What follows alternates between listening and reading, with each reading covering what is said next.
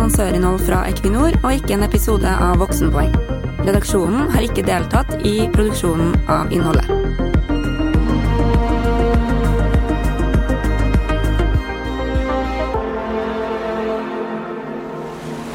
Se for deg måkeskrik, frisk bris fra vest, lukta av saltvann og lyden av bølger som slår. Øygarden utenfor Bergen er et idyllisk kystparadis med skjærgård og lange solnedganger. Og her tas nå de første spadetakene i det som kan bli Norges neste industrieventyr. For hva skal egentlig Norge leve av i lavutslippssamfunnet? Vi har ringt til Øygarden for å finne svar. Velkommen til Kvinnors sin podkastserie, ordfører i Øygarden fra partiet Høyre, Tom Georg Indrevik. Ja, jeg skulle jo gjerne vært på besøk hos dere i vest, men det får vi ikke til under pandemien. Så kan ikke du fortelle hvorfor nettopp Øygarden kanskje har svaret på hva vi skal leve av i lavutslippssamfunnet?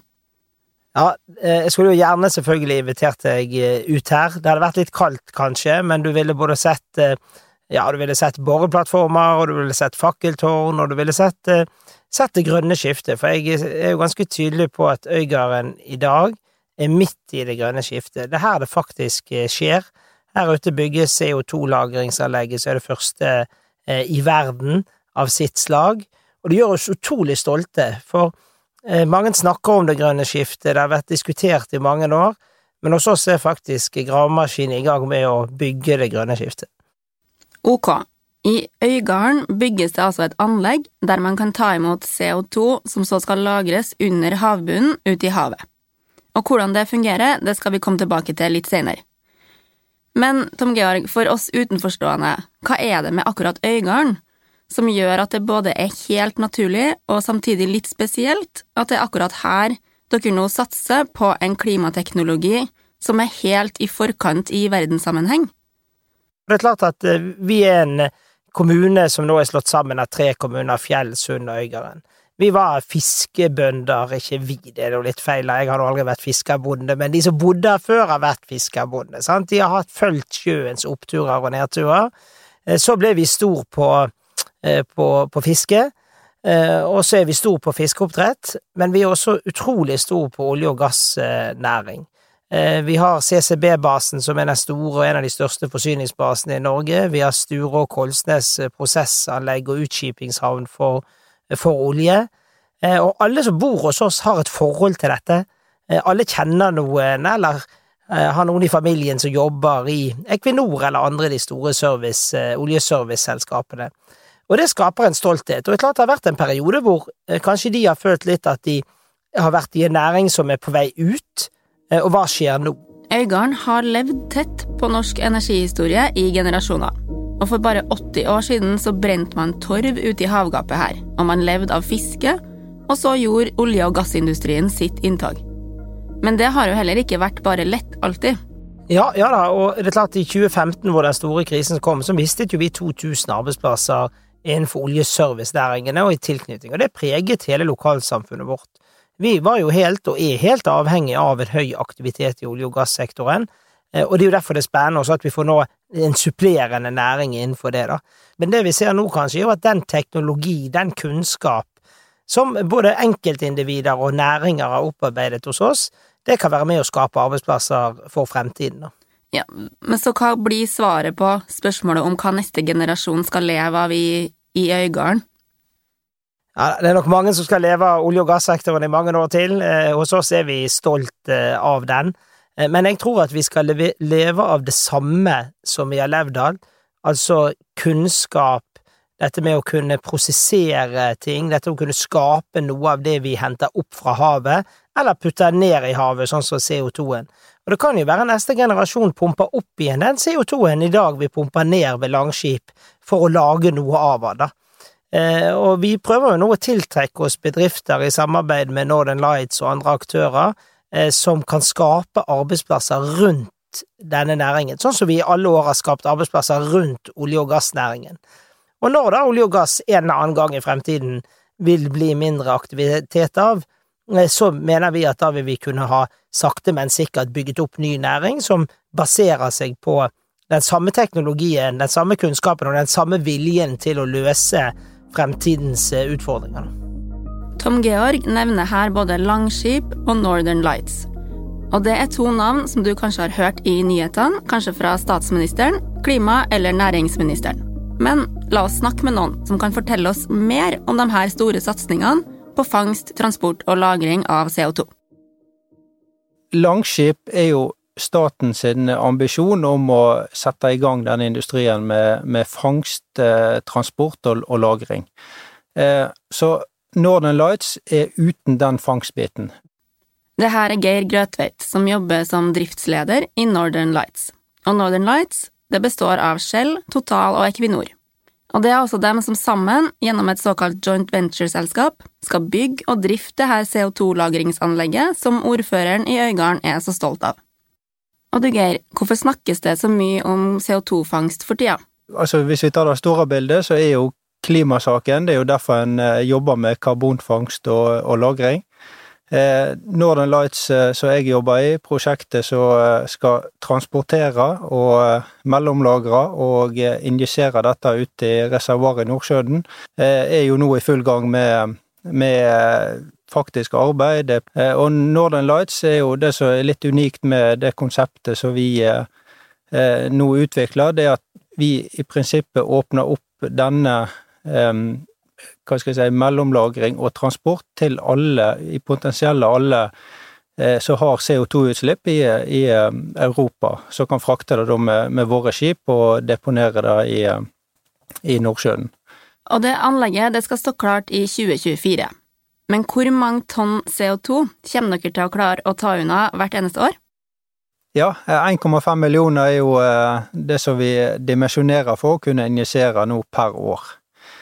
Eh, og det er en fase to, så er, eller rørledning er dimensjonert for eh, en fase to, så er da fem millioner tonn eh, i året. Og, og som da tilsvarer ca. 10 av, av Norges utslipp per år. Men det er klart at skal dette være et virkelig verktøy i klimakampen, så må det være mange Northern Lights-anlegg rundt om. Og, og det er en av ambisjonene òg at vi skal kunne dele læring som vi vi gjør nå, sånn at andre kan bygge dette, og andre kan lære, og en kan utvikle bedre teknologi og, og løsninger for å gjøre dette billigere og, og muliggjøre det for flere industrier i framtida òg. Og Norge har jo helt klart en, en tung maritim næring, som så òg eh, vil forhåpentligvis eh, nytte godt av dette i form av både arbeidsplasser og nyutvikling og, og hva skal jeg si, drift av, av skip. Så her er det mange, eh, mange, aktører som kan bygge på den samme kompetansen som de allerede har. Eh, og det tror jeg er viktig for, hvis vi skal snakke så, så Norge i det store bildet. Eh, det er klart, oljeselskapene sitter på kompetanse når det gjelder undergrunn og transport av flytende gass, du har den maritime som kjenner skipsbyggingen, du har leverandørindustrien som skal levere utstyr og, eh, og støtte drift i, denne fasen, så, så, her er det veldig mange aktører. Og så er det jo det spennende hva, hva kommer ut av når en eh, begynner å samle så mye CO2? Er det andre som kan nyttiggjøre seg den CO2-en? Kan vi få andre spin-off-effekter, industrier ut av dette? Så Eh, det er klart det, det, her kan det skje veldig mye spennende framover, uten at en skal spekulere i alt som eh, de hva skal jeg si, professorene og de forskerne kan finne ut av i framtida. Som vi hører, så er det potensial til å kunne bygge en helt ny industri rundt lagring og transport av CO2. Og der både olje- og gassbransjen, maritim sektor og leverandørindustrien har sine roller. Og det anlegget som nå bygges i Øygarden, det vil altså i fase to kunne ta unna hele 10% av Norges årlige samla CO2-utslipp.